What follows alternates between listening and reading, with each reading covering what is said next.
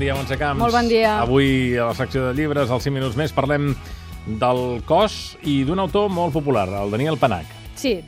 Uh, Daniel Panac, un dels autors més llegits a França. Sí, però has vist que m'he quedat en silenci? Sí. És que estava intentant unir aquests dos conceptes. Ara t'ho explico. Sí. Ell que va escriure, per exemple, uh, un assaig que es diu Com una novel·la, que va triomfar molt, i Mal d'escola, que és més recent, que és un al·legat a favor de l'educació, que també va triomfar molt, ara ens presenta Diari d'un cos. Ara ja unim Panac i cos. Ell fa servir el recurs fictici, que és un diari real i que l'autor l'ha publicat a petició de la filla del que suposadament va escriure aquest diari. Ens porta uh, un dietari d'un suposat intel·lectual francès que a l'edat de 12 anys decideix començar a escriure sobre ell mateix. Ell ho fa a partir d'un fet traum traumàtic, eh, representa que als 12 anys uns amics, per dir-ho així, el lliguen a un arbre i l'abandonen, i ella comença a imaginar-se que unes formigues se l'acabaran menjant. Aquest terror absolut fa que perdi el control sobre el, el propi cos i s'acabi fent les necessitats a sobre.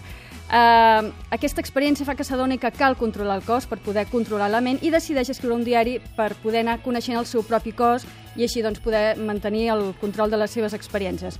Per tant, és un diari no sobre les seves experiències vitals, sinó que és un diari sobre l'evolució del propi cos. I així anem veient mm, l'evolució d'aquesta persona des dels 12 anys fins que pràcticament està a les portes de la mort als 87 anys. Coneixem a través d'ell doncs, el sexe, les, les sensacions que té, per exemple, quan menja, la malaltia, la hipocondria... I a partir d'aquí no coneixem gairebé res d'ell, de la seva vida personal o professional, però sí que anem descobrint a través del cos, en realitat també estem descobrint els seus sentiments. I així doncs, és el, el mestratge d'aquest Daniel Penà que ell diu que ens parla del cos, però ja ho estem veient que el que fa, i molt bé, és descriure els sentiments d'aquest personatge. Un personatge que tenia totes les malalties menys la hipocondria. Exacte.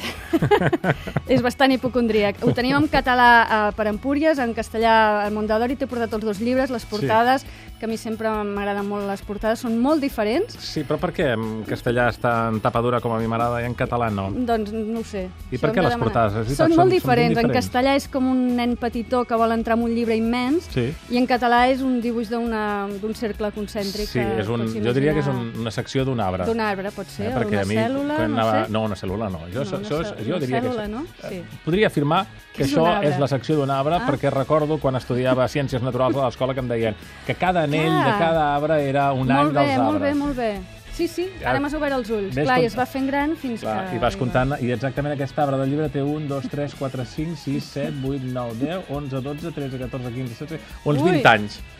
Bé. Uns 20 anys perquè molt ja la vista bé, la tinc Jordi. cansada i tanta ratlla que no... Fantàstic. Molt bé, doncs res, mira, hem, hem fet una classe de Ciències Naturals i hem D'això es repassat- tractava, suposo que el Pena volia això, mira. Molt bé, doncs res, a llegir-se el llibre del Daniel Panac, Diari d'un cos, i recordeu que Empúries Narrativa i, en aquest cas en català, i Literatura Mondadori en castellà, Mhm. són els que publiquen aquell llibre, tant en català com en castellà. I la setmana que ve, més llibres Això i més ciències naturals. Molt bé, Adéu. adéu.